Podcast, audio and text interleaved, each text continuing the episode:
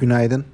Dün Borsa İstanbul'da uzun süredir baskı altında kalan bankalara gelen alımların tetiklediği bir yükseliş vardı.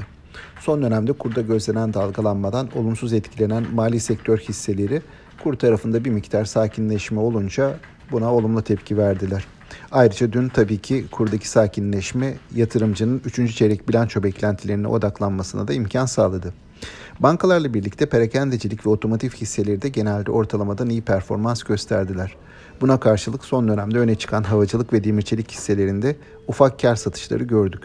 Piyasa bugün yarın yapılacak PPK toplantısının kur ve faiz tarafındaki olası etkilerini fiyatlamaya çalışacaktır. Bir süredir risklerin fiyatlamalara dahil edildiğini gözlemliyoruz. Bu nedenle dün dip seviyelerde toparlanma çabası vardı ve bunun devamını da görebiliriz.